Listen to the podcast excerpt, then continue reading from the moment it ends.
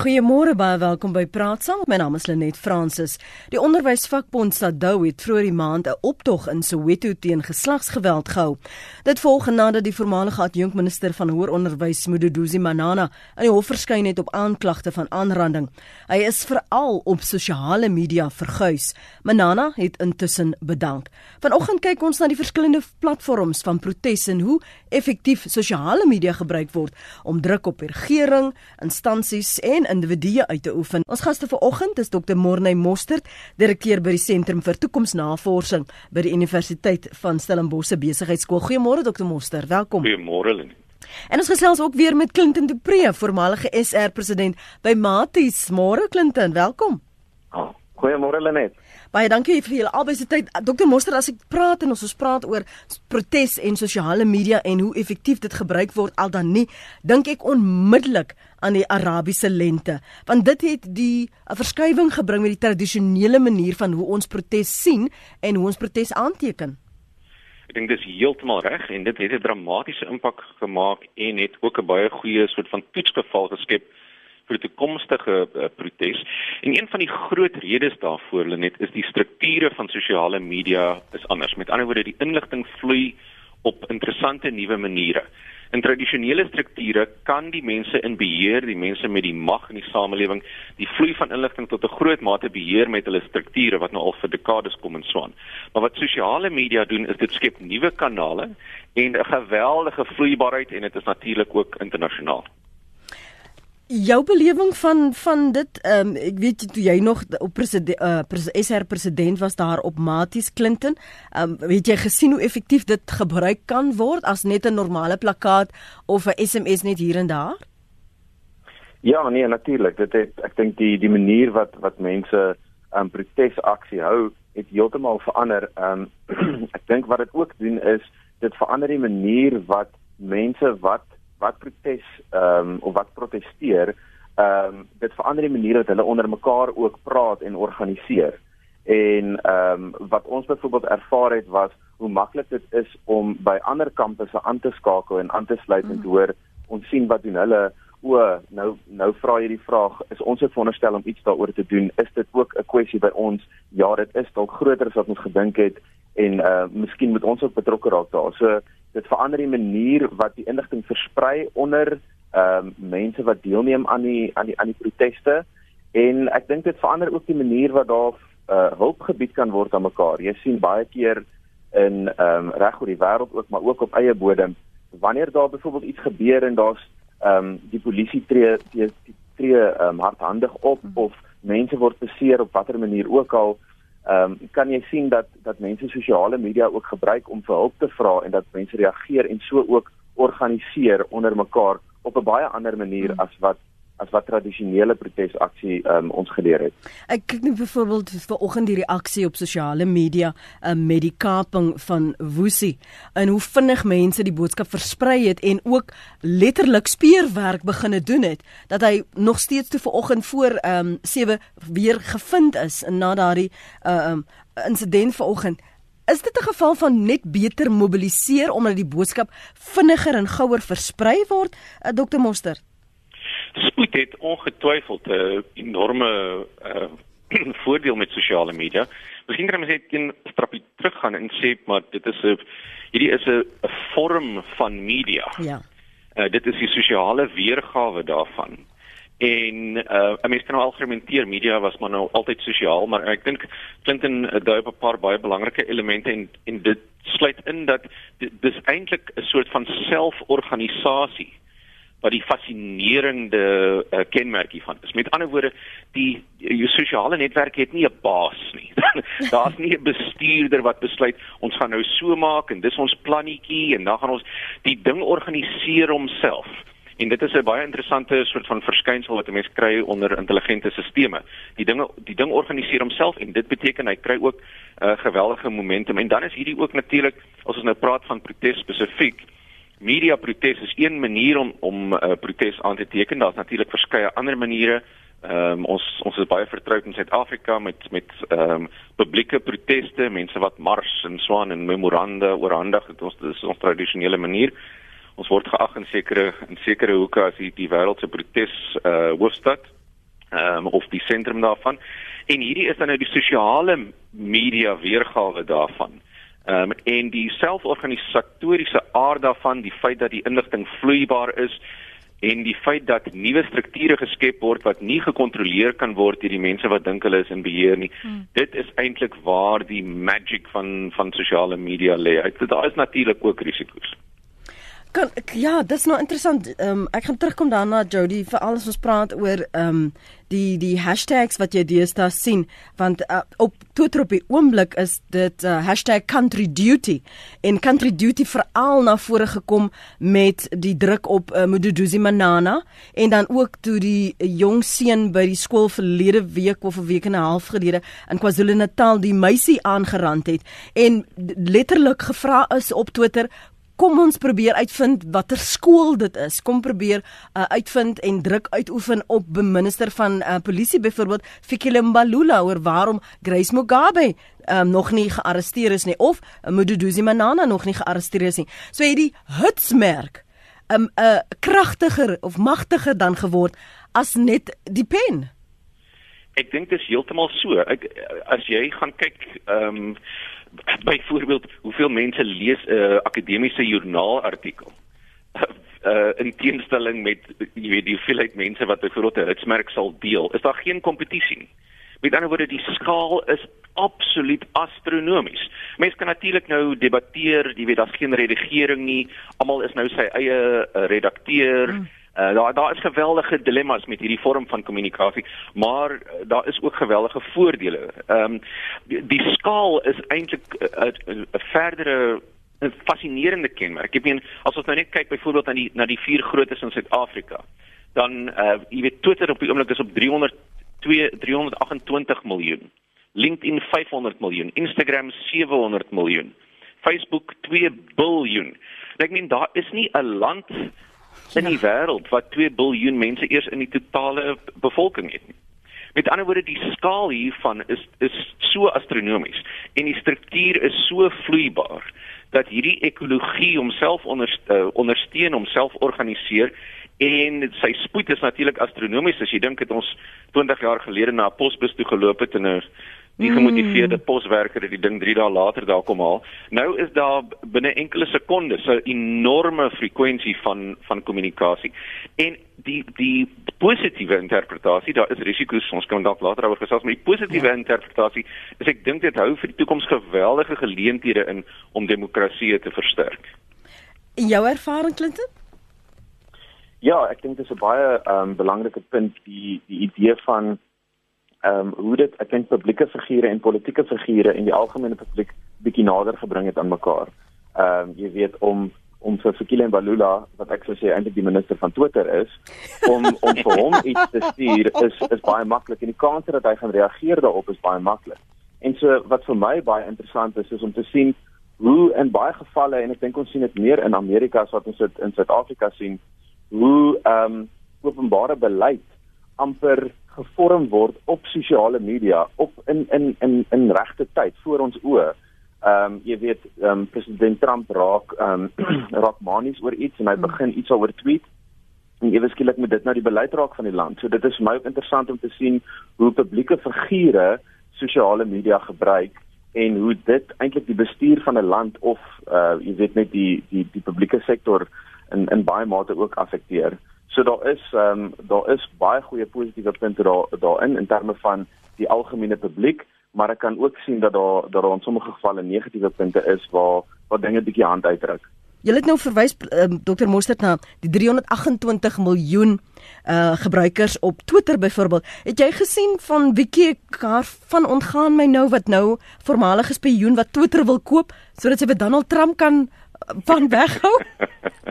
dit is eintlik fascinerend, né? As mens nou gaan kyk na uh 50 jaar gelede of selfs 20 jaar gelede, uh as 'n mens gedink het aan uh ekonomiese mag, aan beleidsmag, dan het jy ehm um, belê in 'n in 'n soort van bricks and mortar omgewing. Uh jy het ehm um, jy weet jy het 'n uh, soort van corporate buyouts probeer doen, jy het uh jy het, jy het met ander woorde die organisasie se aandelehouding uh probeer beïnvloed in 'n soort van praktiese mens tot mens manier in die werklike wêreld mm. in teenstelling met die virtuele wêreld. En dit is nou 'n fascinerende voorbeeld van waar die die mag van die virtuele wêreld word nou erken. Ek meen Trump het dit nou bewys oor en oor.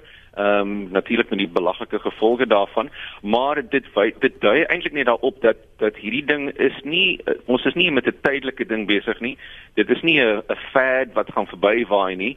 Uh dit is dalk primitief nog in 'n sekere sin en in 'n sekere mate is ons almal uh ons almal tot 'n mate bietjie op soos soos tieners. Ons het nog nie regtig geleer uh, hoe om die ding mooi te hanteer nie. En Trump is die, die goeie voorbeeld ehm um, daarvan alhoewel hy dink ek is in sy vroeë tienerjare.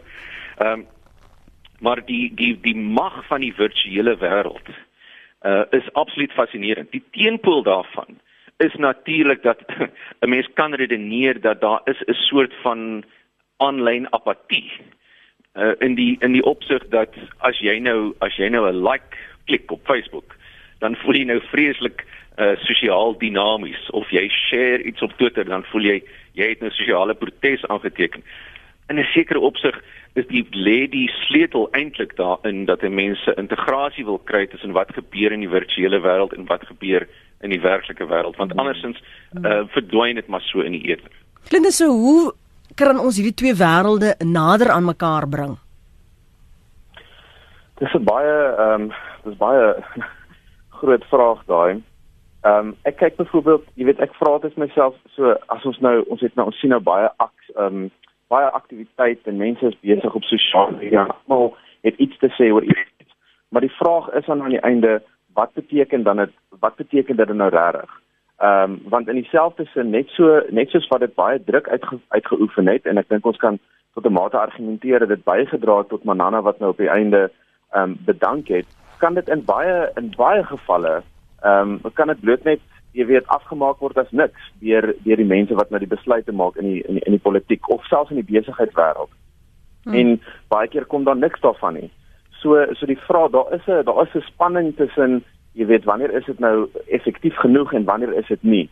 Ek wil saamstem met Dr. Morker Dr. Monster wat hy gesê het voor die voor die breek dat ehm um, die die die vraag is hoe wat is die interaksie tussen werklike protes met jou lyf dan nou in in 'n in 'n fisiese spasie ehm um, versus die die die virtuele wêreld en ek dink ons kan 'n groot 'n um, groot voorbeeld daarvan is byvoorbeeld die ehm um, Dakota Access Pipeline mhm. ehm um, protes wat ons gesien het in in Amerika waar dit 'n baie as 'n baie klein protes begin het waar hulle 'n pipeline van omtrent 1900 km of so wou hulle gelê het om olie ehm um, baie meer effektief te um, te vervoer en van die inheemse Amerikaanse ehm um, tribes het gesê nee dit is dit is ehm um, spesiale grond vir ons hier is ehm um, begrafplase van ons baie mense wat wat omgee oor die omgewing het het het, het ingechip en gesê ons kan nie ons kan nie dit toelaat nie en dit het 'n sosiale beweging reg oor die wêreld geword en die effek wat dit gehad het van 2012 af is dat die projek dat dat die dat die dat die projek uitgestel is met ek en ongeveer wat is dit nou 2017 amper 5 jaar waar hulle gedink het dit is iets wat ons baie vinnig kon klaar kry is dit nou baie moeiliker gemaak. Maar ons sien nou weer hierdie jaar dat die die laaste ehm um, klompie ehm um, mense wat wat wat nog geprotesteer het daar is is is een kant toe geskuif en is nou finaal gesê om nou asseblief te laat gaan want dit het nie meer dit het nie meer 'n groot ding jy weet dit was nie meer so groot ding nie. So nou op die ou end dit die projek is nou net uitgestel maar die projek gaan nog steeds voort. So wat het nou geword van hierdie groot wêreldwye ehm um, kwessie wat dit was. Mm -hmm. Dis nou eweskielik net niks en die projek is weer back on track en hulle doen nou weer net wat hulle in elk geval sou gedoen het. So daar is 'n uh, vraag oor die effektiwiteit van sosiale media op sigself op sy eie. Ehm um, en ek dink nie dit kan noodwendig altyd net op sy eie staan en en effektief genoeg wees nie ek ek dink nou net omdat jy nou daardie voorbeeld noem hoe departemente meer spesifiek in Suid-Afrika en organisasies, regeringsdepartemente en organisasies hulle self moes opskerp nie net uh, in terme van 'n sosiale media beleid nie, maar ook die druk tot uitvoering van beleid moes aanpas. Jy dink aan ehm um, dat data mas vol en die gesprek wat ons nou het oor die hoë koste van data in die afgelope week uh, Vodacom se reaksie en uh, wat hulle toe nou gedoen het om al hulle kliënte gelukkig te hou. Daardie tipe van drukvorm dwing dit 'n maatskappy of dan nou 'n individu om te hersien al wil hulle nie of was hulle ook reg daarvoor die dokter Moster? Die interessante ding is dat 'n mens uit die sosiale netwerke kan leer. So die voordeel vir 'n besigheid. In die verlede het mense jy weet vreeslik probeer om om 'n uh, vraelyste uit te stuur om om te probeer uitkom by hierdie hierdie baie moeilike vraag wat gaan in die kliënt se kop aan. Maar daar's nou al hoe meer besighede wat 'n uh, analise maak van wat besig is om aanlyn te gebeur. Met ander woorde, in die verlede as jy 'n groot sakebedryf was, dan het jy tot 'n sekere mate uh is die besluitneming intern gedryf die belangrike mense, die mense aan die hoof daarvan het besluite geneem en ek en jy weet sterkte met die kliënt om dit nou maar te probeer uh, maak werk. Maar nou het die kliënt ook 'n baie sterker uh, stem. En dit dit gee 'n baie meer 'n uh, groter balans in terme van mag of dit nou in die politieke omgewing of in die sake omgewing is. En dit is uh, slim besighede gebruik daai insigte om nader te kom aan kliënte en arrogante besighede beskou dit as 'n 'n 'n wit geraas en hulle ignoreer dit, maar ek dink hulle doen daai uh, ignorering met baie groot risiko's. So nou wonder ek hoeveel van ons luisteraars is al deel of was al deel van so 'n uh, protes uh, waar jy of dalk 'n brief geskryf het, maar meer spesifiek as ons praat oor sosiale media waar jy jou eie tweet geskep het, nie net dit weer getweet het nie. Uh, waar jy dalk 'n video van 'n insident geplaas het en gesien het uh, die reaksie daarop en dat dit versprei is en dat daar verandering gekom het weens dit. Ek dink byvoorbeeld die departement van uh, die polisie depa uh, departemente Suid-Afrikaanse diens wat nie net hierdie maar uh, in ander lande ook nou al versigtig moet wees met wat hulle doen en wat hulle sê want dit is hoe uh, Black Lives Matter in in in Amerika baie van die korrupsie en geweld van sekere polisie departemente in sekere state blootgelê het Dr Moster. Ja, dit is heeltemal reg en ehm um, weer eens meer gesofistikeerde organisasies het mense wat die goed aktief bestudeer. Dit is met ander woorde jou mark wat met jou gesels. Hulle sê vir jou wat in hulle koppe aangaan, hulle sê vir jou wat belangrik is en ehm um, as jy mens daai goed ignoreer, dan stel jy jouself bloot aan geweldige hoë risiko want eintlik skiet jy in die donker. Jy hoop net maar vir die beste en jy glo dat die mense binne jou organisasie of jy nou 'n party is of jy's 'n regering of jy's 'n maatskappy, jy glo die paar mense wat daai besluite neem binne die organisasie weet meer en weet beter as die as die totale massa daar buite wat hulle eie behoeftes wil uitdruk terwyl jy eintlik probeer om daai mense te beïnvloed. Met ander woorde, jy dit dit kan nie meer geïgnoreer word nie. Hoe het sosiale media deel geword van 'n nuwe platform van protes aanteken? Maar miskien kom ons stel dit gou teenoor wat ons wel ken en waarmee ons vertroud is. En tog het die die ou tydse manier van uh, met 'n plakkaat gaan staan is nou nog steeds aanvaarbaar as 'n mens dan nou 'n vergelyking wil tref Dr Mostert en en Clinton, maar met die speech mas vol veldtog Clinton het ons gesien meer sit-ins uh, soos byvoorbeeld by by um, Adam Habib hier by Wits. Ons sien nou wanneer die taxi bestuurders ongelukkig is, hoofpaaie wat afgesper word wat letterlik 'n gemeenskap gijslaar hou. Hmm. Ja, en weer eens hulle net as mens bietjie um, jy weer terug staan en dan dan sien jy waar kom dit vandaan en ek dink dit is weer eens 'n geval van van mense wat wat wat protesaksie aan aanteken reg oor die wêreld wat bymekaar leer. Ek sou argumenteer dat daai dat daai sit in ehm um, het weer populêr geword as gevolg van die Occupy Wall Street bewegings en die en die Occupy wat se ook al street reg oor die wêreld. So dis dis vir my baie interessant om te sien hoe wat baie keer in in Amerika gebeur ehm um, op sosiale media en daai tipe aktivisme wat baie vinnig en maklik oorspoel ehm um, in in Suid-Afrika veral ek dink dit word baie vinnig opgetel onder ehm um, ons universiteitsstudente. Ehm um, die manier en die die kwessies wat bespreek word spoel baie vinnig oor van Amerika af na ons toe. Maar ehm um, ek dink dit is nog steeds ehm um, ja, dit is nog steeds ek dink vir, vir studente 'n baie groot uh, tool wat hulle om om protes aan te teken, maar dit kan nie wegvat van die die tradisionele manier van wys wat is eintlik die nommers nie. Want dit is baie maklik vir die besluitnemers om te sê ag hier is net geraas op Twitter. Dis 'n dis 'n handjievol mense wat wat geraas maak. Ons hoef nie oor ons hoef nie regtig oor te ehm um, baie te bekommer nie. Maar as jy sien hoe sosiale media aanloop tot iets groter, soos wat ons gesien het in Feesmas vol waar hierdie massa massa studente wat nie normaalweg iets sou gedoen het nie, nou ewe skielik as gevolg van die hulp van sosiale media en die inligting wat versprei en die manier hoe hulle meer ehm um, vinniger en effektief kan ehm um, koördineer onder mekaar en organiseer. Nou sien jy hoe dit hoe maklik dit is vir vir daardie massa bewegings om binne 'n kwessie van 'n paar dae gereël te word. En en ons praat net van van bewegings op kampusse nie. Mm. Ehm um, ek dink nou terug aan beelde van wat ons gesien het verlede jaar of 2 jaar terug van studente wat oor die die Nelson Mandela brug in Johannesburg loop en dit heeltemal tot stand ehm um, jy weet tot tot stilstand bring. En dit is 'n tipe besluit wat geneem is regstreeks kan jy sien op sosiale media hoe van die hoe van die die, die studenteleiers gesê het ons stap nou soontoe en ewe skielik raak dit 'n uh, 'n hitsmerk wat wat populêr raak en nou uh, dit nou is die besluit geneem nou stap ons soontoe en die beweging het ehm um, jy weet dit voortgegaan so daai manier van besluitneming het baie meer gedesentraliseer en ek dink dit kom terug by die eerste punt wat ons aanvanklik genoem het van die die besluitnemers op sosiale media is baie minder ehm um, persone, maar dit is dit is 'n groep wat wat 'n besluit neem. Dit gaan oor wat is wat word bespreek, wat word die meeste bespreek. So jy sien 'n baie meer ek ek sou sê demokraties mm. of meer markgerigte manier van van wat is die belangrike opinies op die oomblik.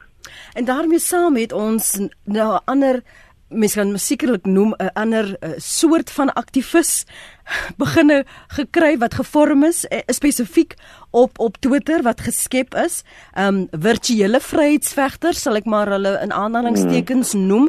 Uh, um wa, wa, ja, julle weet waarna ek verwys. Um iemand soos 'n uh, 'n uh, uh, Tommy Soul byvoorbeeld 'n uh, 'n uh, hitsmerk soos Country Duty. Um uh, uh, jy kry vir section 27 en ander maatskappye wat spesifiek geskep is en en floreer om daardie soort blootstelling, daardie soort ehm um, ontlok van van van van kennis, van inligting.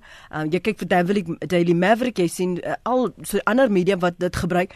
Maar hier's hy nie wat byvoorbeeld ehm um, dit skryf en en dis waarom ek dit noem van hierdie virtuele vryheidsvregters hy nie want jy het my nou geprikkel.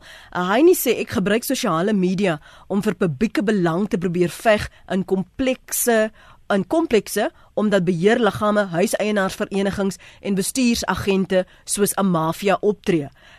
'n Goeie voorbeeld van waar en hoe mense dit gebruik en hoe hulle um social agents dan nou word, Clinton. Ja, nee, definitief. Um en ek dink dit dit kom weer eens terug, weer eens terug na die na die spanning of die die paradoks wat ons sien met sosiale media. In sommige gevalle en ek probeer my my brein breek om om uit te om uit te vis presies wat wanneer is 'n uh, is 'n uh, 'n veldtog op sosiale media effektief en wanneer is dit nie want in gevalle wat ek sou gedink het dit baie effektief moes gewees het het dit eintlik tot tot tot niks gelei werklik nie daar het nie regtig 'n verskil in beleid gekom of 'n ander bes, besluit is geneem nie alhoewel daar 'n groot lawaai gemaak is.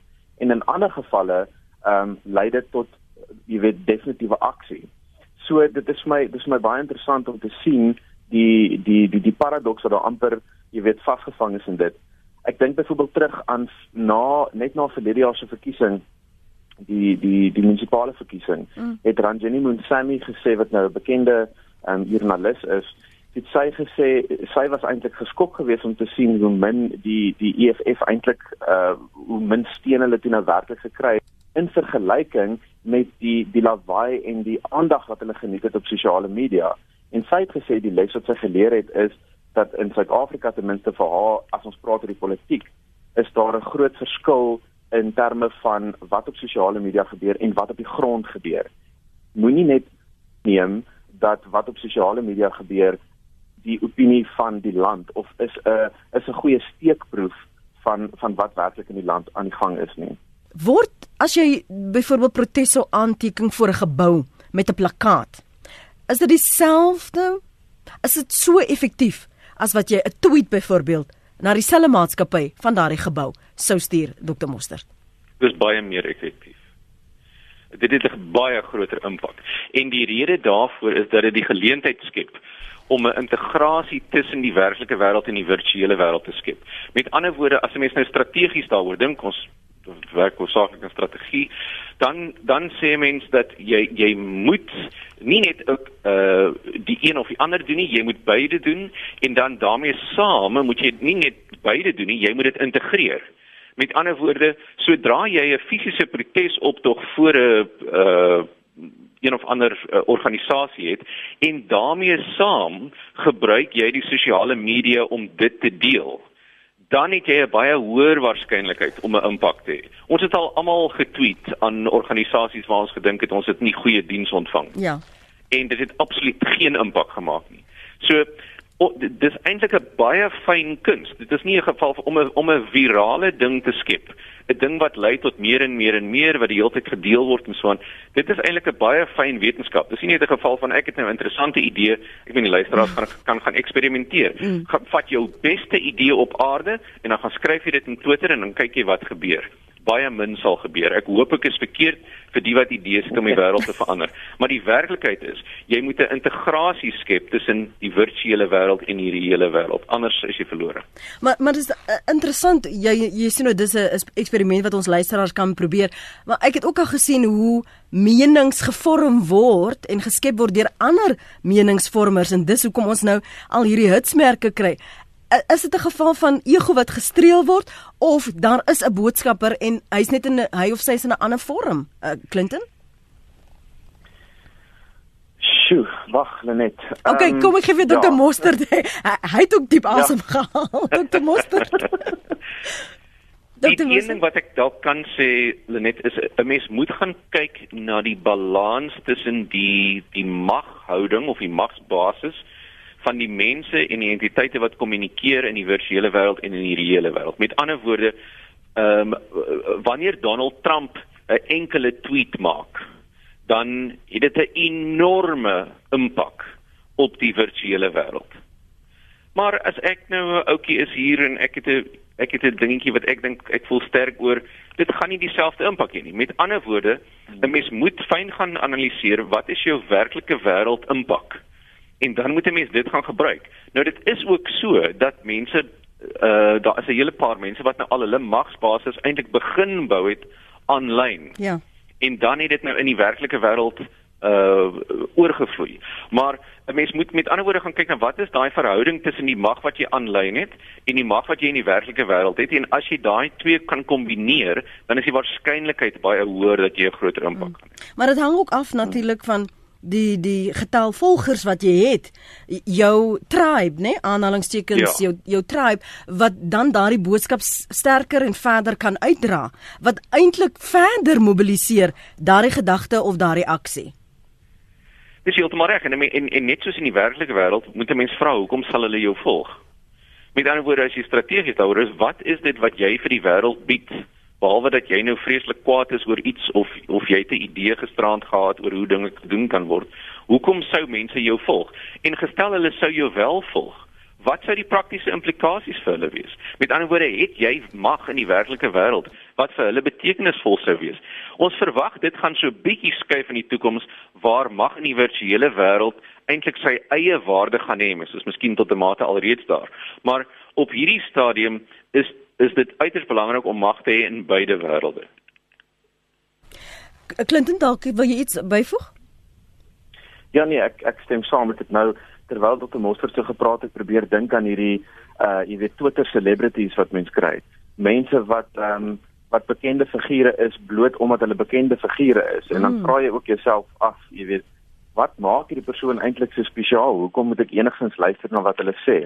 So ek wil ek wil saamstem dat daar daar is werklike ehm um, is uh, jy weet 'n interaksie of 'n speling tussen die twee. En uh, ek sal sê op die oomblik is dit nog steeds is is is dit meer 'n geval van iemand raak bekend ehm um, op sosiale media as gevolg van wat hulle doen in die werklike wêreld, miskien uh, die impak wat hulle daai het, maar dat daai mag ehm um, baie uitgebrei kan word op sosiale media. En dis daai integrasie tussen die twee wat baie effektief kan wees maar um, ek dink dit is 'n baie belangrike punt wat gemaak word om te sê ons moet altyd terugkom en vir onsself afvra wat is die werklike effek van enige iets wat jy doen op sosiale media in die regte wêreld. Ehm um, natuurlik verander dit mense se persepsies en dit verander die die manier wat ons dink miskien oor ons regering of oor bekende mense of oor besighede, maar het dit werklik dan 'n effek in die manier hoe ons stem? Het dit 'n effek in die manier hoe ons ons geld spandeer? En as dit nie 'n effek het nie, dan vra ek die vraag hoe effektief was dit dan nou werklik gewees? Jy kan al hierdie geraas hê, maar op die einde is dit maar eintlik maar net warm lug. Barry sê môre lê net en gaste. Ek het ongeskiktheidsversekering 2 jaar gelede uitgeneem. Ek is 3 maande gelede ongeskik verklaar deur verskeie dokters. Die versekeringsmaatskappy vermy my totaal eposse en oproepe. Ek oorweeg ook nou die sosiale media behalwe ook die ombudsman. Sal dan sien hoe die maatskappy reageer. En dan sê ehm um, Susan van Huisteen en hierdie is jou toets dokter Mostert. Sy sê: "Hoera! Die meerderheid skape reageer op sosiale media. Sy skape tussen hakkies geplaas en dis die tragiek van die moderne wêreld. Ja, ek dink dit is uh dit is heeltemal so. Almal het nou 'n stem, maar ek dink dit is 'n baie beter probleem om te hê as 'n samelewing. As die probleem dat mense nie mag sê wat hulle wil nie. Met ander woorde, dit is eintlik 'n filosofiese vraag. Dink 'n hmm. mens dat die mense wat dit nou maak, kom ons kyk na Suid-Afrika op die oomblik, die mense wat nou heel aan beheer is, heel aan die boonste punt van die land. Sal ons eerder wil hê hulle moet totaal besluit oor alles wat gebeur en alles wat gesê mag word of wil ons eerder hê dat mense mag sê wat hulle wil en dan so tussenin jy weet gaan dan nou so 'n paar wees wat nou nie so heeltemal sinema nou intellektueel sprankelend is. ek ek dink ek sal eerder met die tweede probleem wil saamleef. Want ten minste het mense 'n oop samelewing en jy kry ten minste 'n gevoel van wat mense werklik dink. Die teenoorgestelde is Noord-Korea waar jy 'n baie klein kanaaltjie het van wat gesê mag word en wie dit mag sê en hoe dit gesê mag word.